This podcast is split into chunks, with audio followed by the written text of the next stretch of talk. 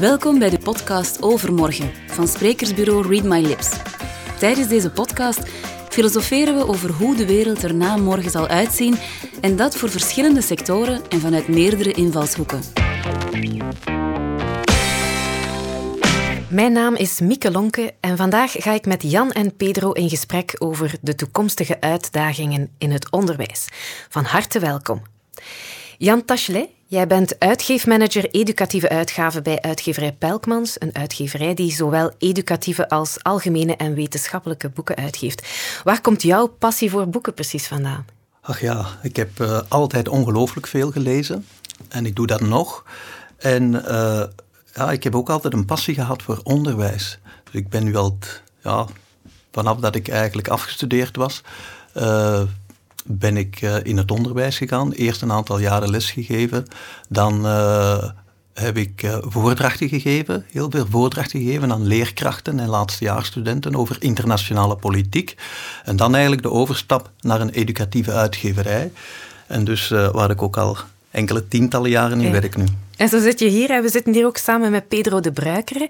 Jij bent niet alleen keynote speaker bij Read My Lips, maar ook en voornamelijk onderzoeker, pedagoog en schrijver van talloze boeken over jongeren met veelbelovende titels, zoals Bijna alles wat je moet weten over psychologie voor kinderen en jongeren en Met de kinderen alles goed opvoeden in tijden van crisis. Nu, dat laatste boek zag het daglicht eind 2020.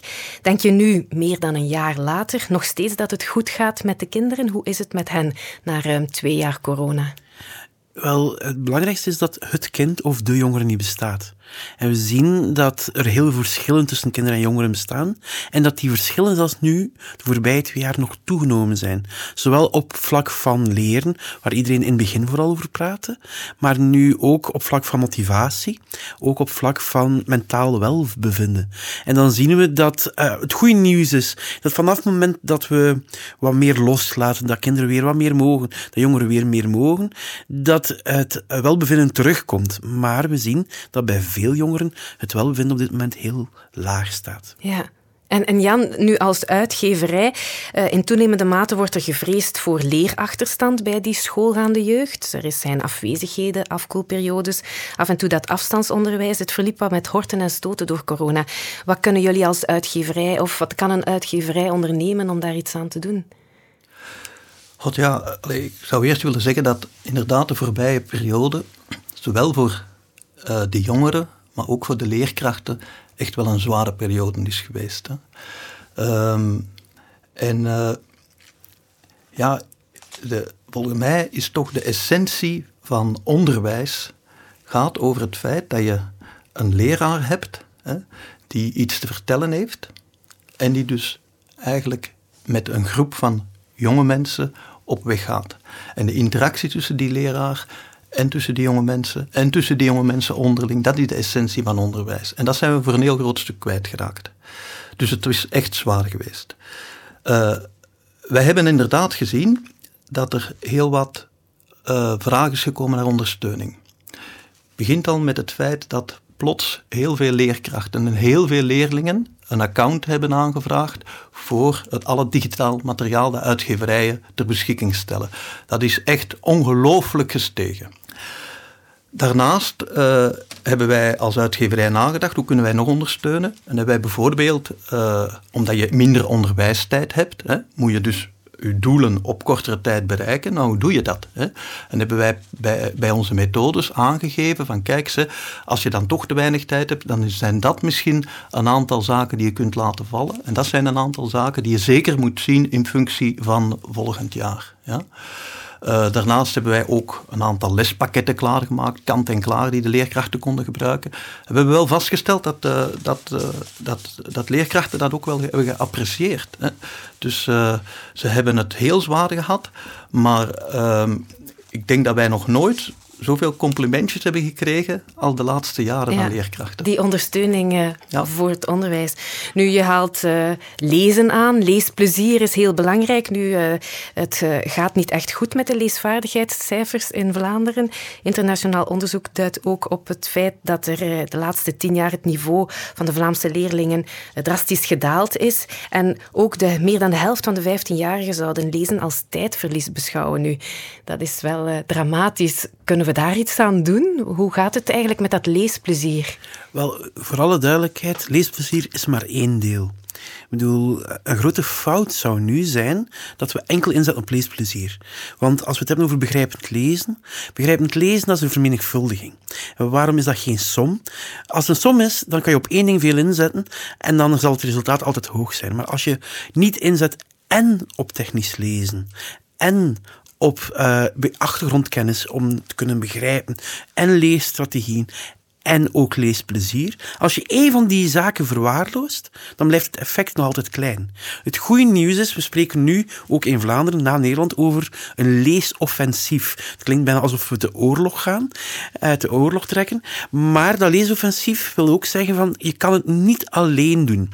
Je kan niet alleen inzetten op een van die elementen, maar je kan ook niet verwachten dat één leerkracht alleen dat effect kan hebben. Een leerkracht kan veel. Hè. Ik bedoel, eh, een leerkracht met veel charisma en heel veel passie, die kan kinderen besmetten. Dat is nu een slecht woord misschien, maar toch, besmetten met een passie voor lezen. Maar als we allemaal graag lezen, als we zorgen dat ouders graag lezen, als we zien dat boeken overal toegankelijk zijn, als we zien dat uh, de leerkrachten graag lezen, dan verhoog je de kans om dat leesplezier te gaan verbeteren. Want voor alle duidelijkheid, veel mensen denken van ja, maar lezen, onze kinderen lezen niet graag niet meer, omdat ze nu op hun mobiele telefoons zitten, op schermpjes zitten, van alles doen, gamen. Ja. Maar het grappige is, neem Engeland, ja, daar doen die kinderen dat ook. Maar ondertussen zijn ze tien jaar later, uh, tien jaar geleden, zaten zij op het niveau waar wij nu zitten. En omgekeerd. Zij hebben dus een soort van offensief gehad, waardoor nu die kinderen en al die mobiele telefonie gebruiken, maar ook graag lezen. Ja, en wat moeten we dan precies verstaan onder dat leesoffensief? Zijn daar ook taken voor ouders inderdaad in weggelegd? Ik denk dat het voor iedereen weggelegd is. Uh, het goede voorbeeld geven, voorlezen, zijn allemaal zaken die um, kunnen helpen. Uh, als we gaan kijken, je hebt het daarnet over dat de kinderen niet graag lezen. Ja, maar onze ouders lezen ook niet graag. En zelfs onze leerkrachten, in vergelijking met andere landen, gemiddeld lezen die ook minder graag. Ja, hoe kunnen we dan dat verwachten van onze leerlingen, van onze kinderen. Ja. Jan, zijn jullie daar ook mee bezig met dat leesoffensief? Ja, absoluut. Hè. En uh, wanneer de coronaperiode heeft ons ook iets geleerd. Hè. Namelijk, er werd op een bepaald moment een onderscheid gemaakt tussen um, levensnoodzakelijke, essentiële winkels en andere. Hè. En de boekhandel werd een essentiële winkel genoemd. Hè. Gelukkig. Gelukkig. In Nederland niet, voor alle duidelijkheid. Ja, dat, maar, goed, maar bij ons wel. En ik ben er ook van overtuigd dat dat levensnoodzakelijk is. Hè. Dus kunnen lezen is geen luxe. Lezen, dat gaat erover dat je uh, veel kans hebt om goed te slagen in het, uh, in het leren en om, en, en om een goede uh, schoolcarrière te hebben. Hè. Maar is ook belangrijk om te kunnen deelnemen aan de samenleving. Dat is niet zoiets dat je zo kunt kiezen van oké, ik ik, ik, ik ga voetballen of, of, of, of ik ga niet voetballen. Hè. Dus met andere woorden, ouders, vind ik, mogen echt wel verwachten dat scholen dat opnemen. Ja? En dat gebeurt ook. Want als ik zie hoeveel initiatieven er op dit moment, ook in het kader van het leesoffensief, hoeveel uh, leesjuffen en leesmeesters er zijn, het, het, het, het, wel goed. Hè. Wat ouders bijvoorbeeld kunnen doen, hè, en dat gebeurt nu ook al, is bij de verjaardag van hun kind een, een, een boek, uh, uh, een geschenkboek geven aan de, aan, aan de klas, om een klasbibliotheek uit te bouwen. Er zijn eigenlijk heel veel mogelijkheden om te doen, maar het moet wel gebeuren. Ja, het moet gebeuren. En het moet ook door de leraren gebeuren. En we merken nu dat de laatste tijd ook het onderwijs kampt met groot lerarentekort. Er is net zoals in vele sectoren een war for talent. Wat kan er precies gebeuren om die job attractiever te maken, Pedro? Oké, uh, ik ga dat probleem eventjes snel oplossen. Heel de wereld is ermee ongeveer geconfronteerd. Nee, uh, het, is, het is een aangekondigd probleem. Het is een probleem dat nu bijna een beetje ondergesneeuwd leek door corona. Maar we hebben niet enkel tekorten omdat leerkrachten uitvallen, bijvoorbeeld door ziekte de voorbije twee jaar. Maar we hebben vooral ook gewoon mensen tekort. En um, in feite zit me heel mooi op traject. De, tekorten die we nu hebben, die waren tien jaar al geleden al voorspeld. We zien dezelfde problemen in onze omringende landen. Dus een eenvoudige oplossing bestaat niet. Ehm, er zijn heel veel dingen al in andere landen geprobeerd. Uh, en soms hoor je hier bijvoorbeeld, we moeten al masters introduceren en we moeten misschien alle leraren masters maken. Men kijkt dan naar Finland bijvoorbeeld. Mhm. Maar het gaat vooral over de inhoud. Niet enkel over toevallig welk papiertje je krijgt op het einde van de rit. Ik denk dat het eerste en misschien wel het belangrijkste is dat we de, de deur moeten dicht doen. Dat mensen niet meer de job massaal verlaten. Ik bedoel, ten eerste te, te, weinig mensen binnenkrijgen is een probleem. Maar als we zien hoeveel jonge leerkrachten heel snel vertrekken, hoeveel mensen uit het onderwijs uitstromen, dan kan je een negatieve spiraal krijgen. Want dan wordt de groep die altijd de job moet doen steeds kleiner, worden die nog meer belast en zijn die ook meer geneigd om weg te gaan. Vooral omdat er overal een war for talent is. En waar ligt die uitstroom dan aan? De, de uitstroom heeft verschillende redenen. Uh, een reden die minder speelt is financieel. Uh, die kan spelen, maar toch is dat minder een reden. Maar dan merk je um, leerkrachten die het gevoel hebben dat ze niet kunnen doen waarvoor dat ze gekozen hebben, omdat er te veel randvoorwaarden met tijd gaan lopen, terwijl dat het eigenlijk met de kinderen omgaan onder druk staat. Uh, genoeg ruimte hebben voor overleg, genoeg ruimte hebben voor professionalisering. Nu, dat zijn allemaal dingen die net door het leraartekort ook weer onder druk komen staan, mhm. want ja, we hebben tijdtekort. Maar we weten wel dat dit de zaken zijn die een job aantrekkelijker kunnen maken. Um, ik denk dat genoeg inbouwen in het systeem om professionalisering mogelijk te maken. Ik bedoel, op dit moment is het budget dat een professionalisering gaat voor leerkrachten heel klein. En je ziet dat het dan nog niet eens massaal gebruikt wordt. Dus dat is een, een piste. Uh, leerkrachten vragen heel vaak voor kleinere klassen. Um, wij hebben met TeacherTab, dat is een app waarmee we dagelijks leerkrachten bevragen, hebben we gaan laten denken over droomschool en wat heeft onderwijs nu nodig. Allemaal zeggen ze één ding kleinere klassen. Ja. En als wetenschapper denk ik van, ja, dat is moeilijk. Dat is een hele dure maatregel. Zeker op het moment dat er uh, al leerkrachten tekort zijn, dan gaat die mensen niet vinden. Maar wat zit daarachter? Daar zit er werkdruk achter. Daar zit het idee achter van ik moet hier heel veel doen. We weten hoeveel uren een leerkracht, een normale leerkracht, gemiddeld per week werkt. Dan heb ik nog niet over directies. Ik denk nadenken over de jobomstandigheden die er nu zijn. We hebben de verwachtingen naar het onderwijs ook correct inschatten. Dat dat het begin is. Dat is het loopbaanpact dan op die manier. Um, en op die manier stelselmatig de job interessanter maken, zodat die ook voor anderen aantrekkelijker wordt. Ik ga nog één ding zeggen. We zien dat er ook, net zoals dat bij het leesoffensief, er dingen zijn die positief evolu evolueren. Uh, we zien nu dat zij-instromers uh, meer anciëniteit kunnen bij, binnenhalen. We zien dat er meer mogelijkheden komen. We zien kleine stappen. Maar ik denk dat we nog veel meer gaan nodig hebben. Ja. Jan, de uitgeverij werkt ook vaak samen met leraren om educatief materiaal op te stellen. Hoor jij dan ook over hun droomschool? Ik denk dat, uh, dat wij het geluk hebben dat je als uitgeverij werkt inderdaad samen met leerkrachten. En dat zijn uh, enthousiaste leerkrachten. Hè? Dus uh, ik, ik denk dat wij gemiddeld kunnen samenwerken met, uh, met, met een meer dynamische ja, leerkracht. Hè? Die maar wat ik eigenlijk zou willen inpikken op wat uh, Pedro zegt, dat is namelijk uh, die randvoorwaarden. Hè? Dus ik denk dat wij als uitgeverij ja, een van die randvoorwaarden juist proberen eigenlijk aan te bieden. Dat is namelijk het, het, uh, het leermateriaal. Ja?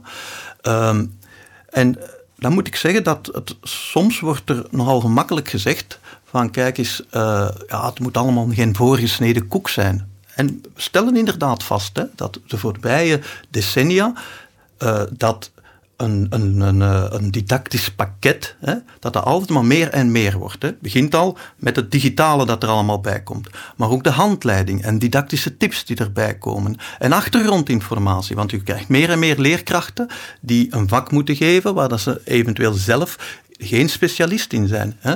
Uh, en dan wordt er gezegd van ja, allemaal die voorgesneden koek, is dat wel goed? Moeten de leerkrachten dat niet zelf kunnen doen? En voor mij dat voor een stuk ook het uitspreken op dat moment van wantrouwen in die leerkracht. Namelijk, die leerkracht hè, die kan best wel uh, met het materiaal dat hij krijgt eigen keuzes maken. Hè, en dan zeggen van oké, ik ga dit gebruiken of ik ga dat gebruiken, ik ga dat aanpassen. We geven, ook, we geven daar ook uh, ruimte en tips voor.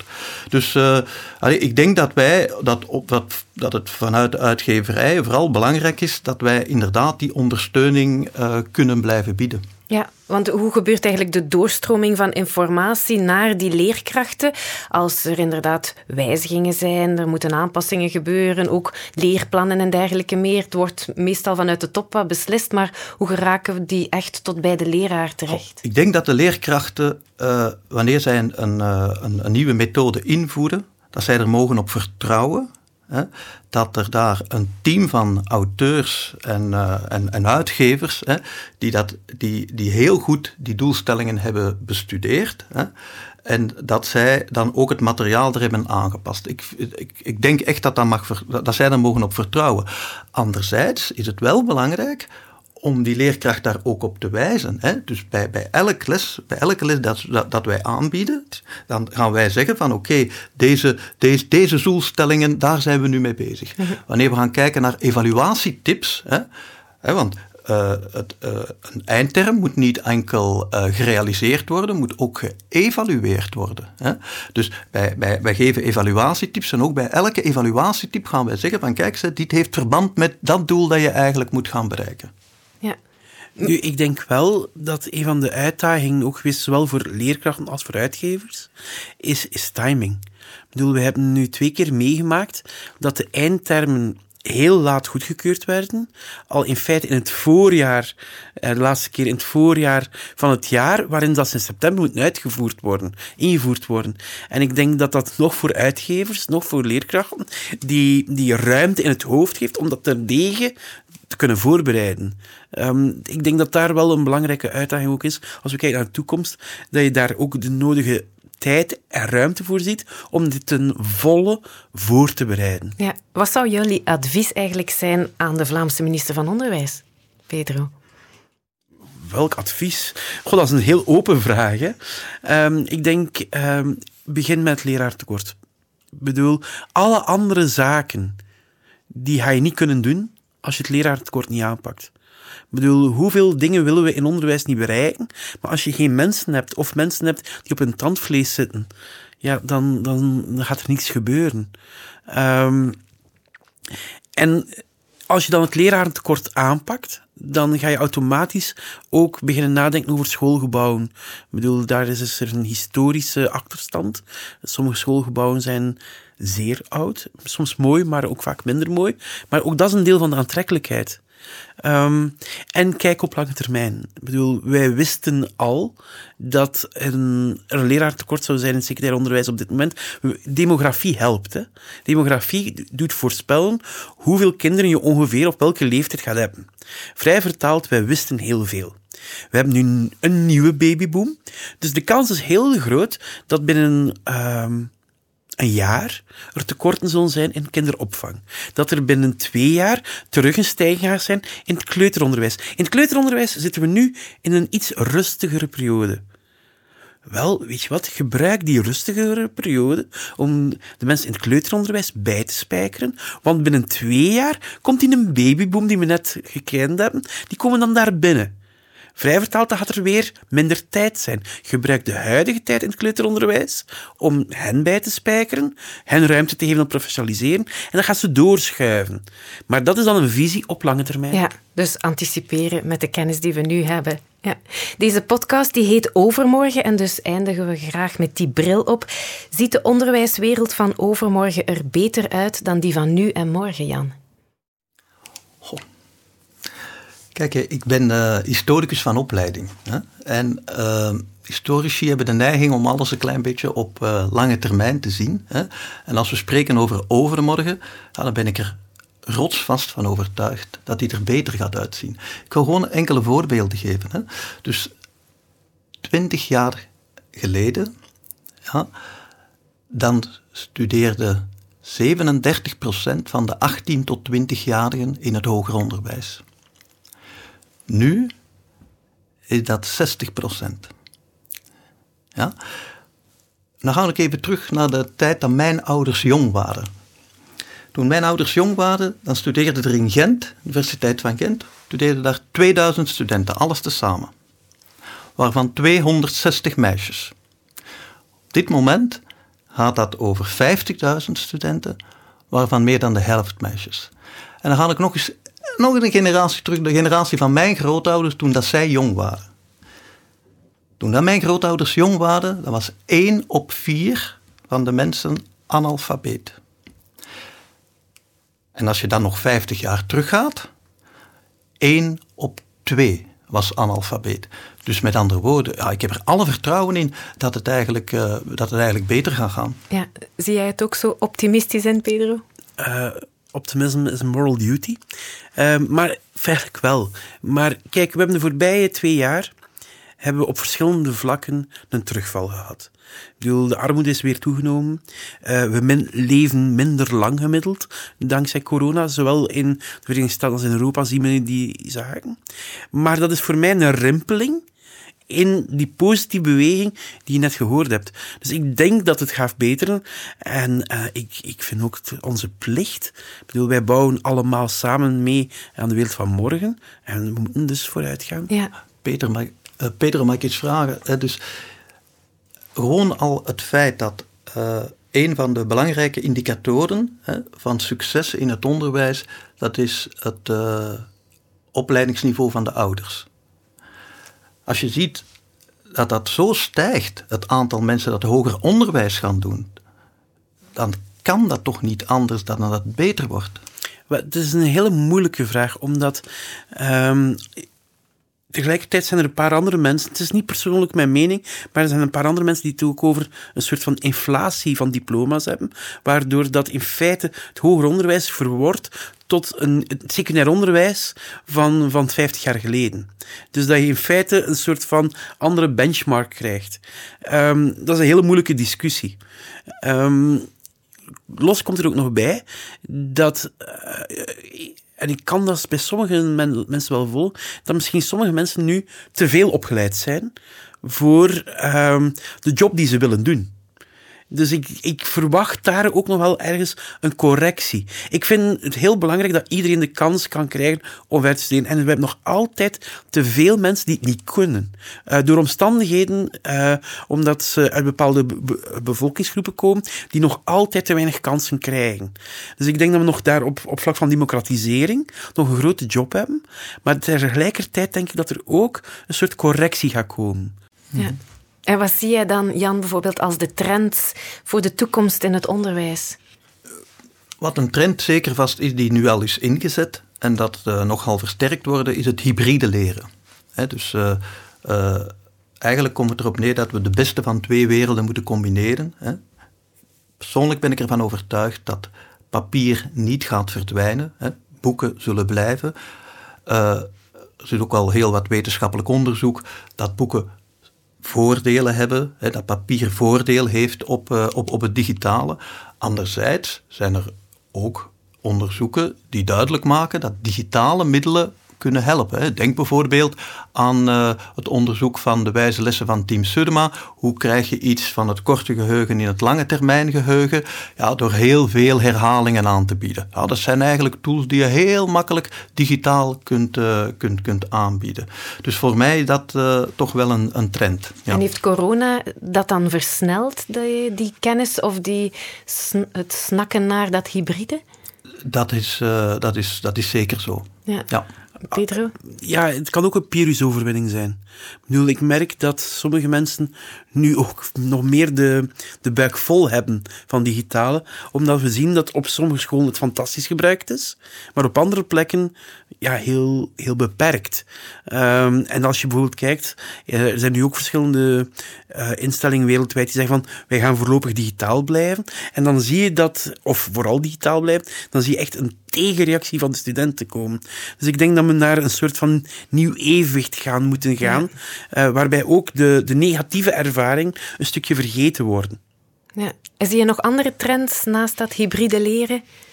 Oh, ik, um, ik merk dat uh, de aandacht voor het sociaal-emotionele bedoel, ik ben zelf iemand die heel erg bezig is met leren.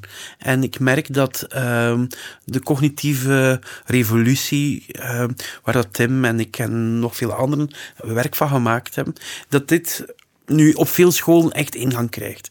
Maar tegelijkertijd ook door de coronacrisis, maar ook door bijvoorbeeld de OESO, die ook naast hun bekende PISA, een PISA van sociaal-emotioneel leren naar voren begint te schuiven, dan denk ik dat we de komende tijd daar ja, nog meer gaan bij stilstaan.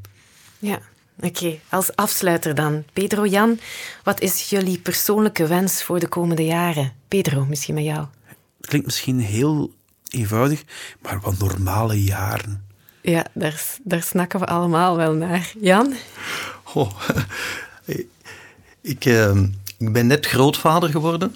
En uh, ja, wat mijn wens zou zijn, is dat uh, heel veel mensen, net zoals dat ik daar destijds met mijn kinderen van heb genoten, uh, kunnen genieten van ja, samen in boeken kijken en samen lezen met hun kinderen. En ik heb een klein gedichtje op internet gevonden waarvan ik de auteur niet heb gevonden. Ik zou dat even graag voorlezen. Mag ik? Ja, tuurlijk. Kom lekker bij me zitten en doe je ogen dicht. Dan lees ik een verhaaltje en ik kijk naar jouw gezicht. Is het een spannend stukje? Staat jouw gezicht op bang? Maar wordt het boek weer grappig? Zie ik een kuiltje in je wang. Ik zie bij jou soms tranen, soms hoor ik boos gegrom. En soms val je haast in slaap of kijk je vragend, hé, hey, waarom? We lezen twee verhalen, mijn boek en jouw gezicht. Je kunt heel mooi vertellen, zelfs met mond en ogen dicht. Ja, mooi. Ja, dat was alvast luisterplezier. Nu nog het uh, leesplezier daaraan koppelen. Dankjewel Jan, dankjewel Pedro voor jullie bijdrage. Zo, dat was het dan voor vandaag, beste luisteraars. Ben je nieuwsgierig naar meer? Bekijk dan zeker eens de website van Read My Lips via readmylips.be. Daar vind je zowel informatie terug over mij, Mieke Lonke, jouw moderator van vandaag, als info over Pedro de Bruikere als spreker op misschien wel jouw volgend online, hybride of fysiek event. Bedankt en tot later. Beluister alle podcasts van Overmorgen op Soundcloud of Spotify. Met veel plezier aangeboden door sprekersbureau Read My Lips.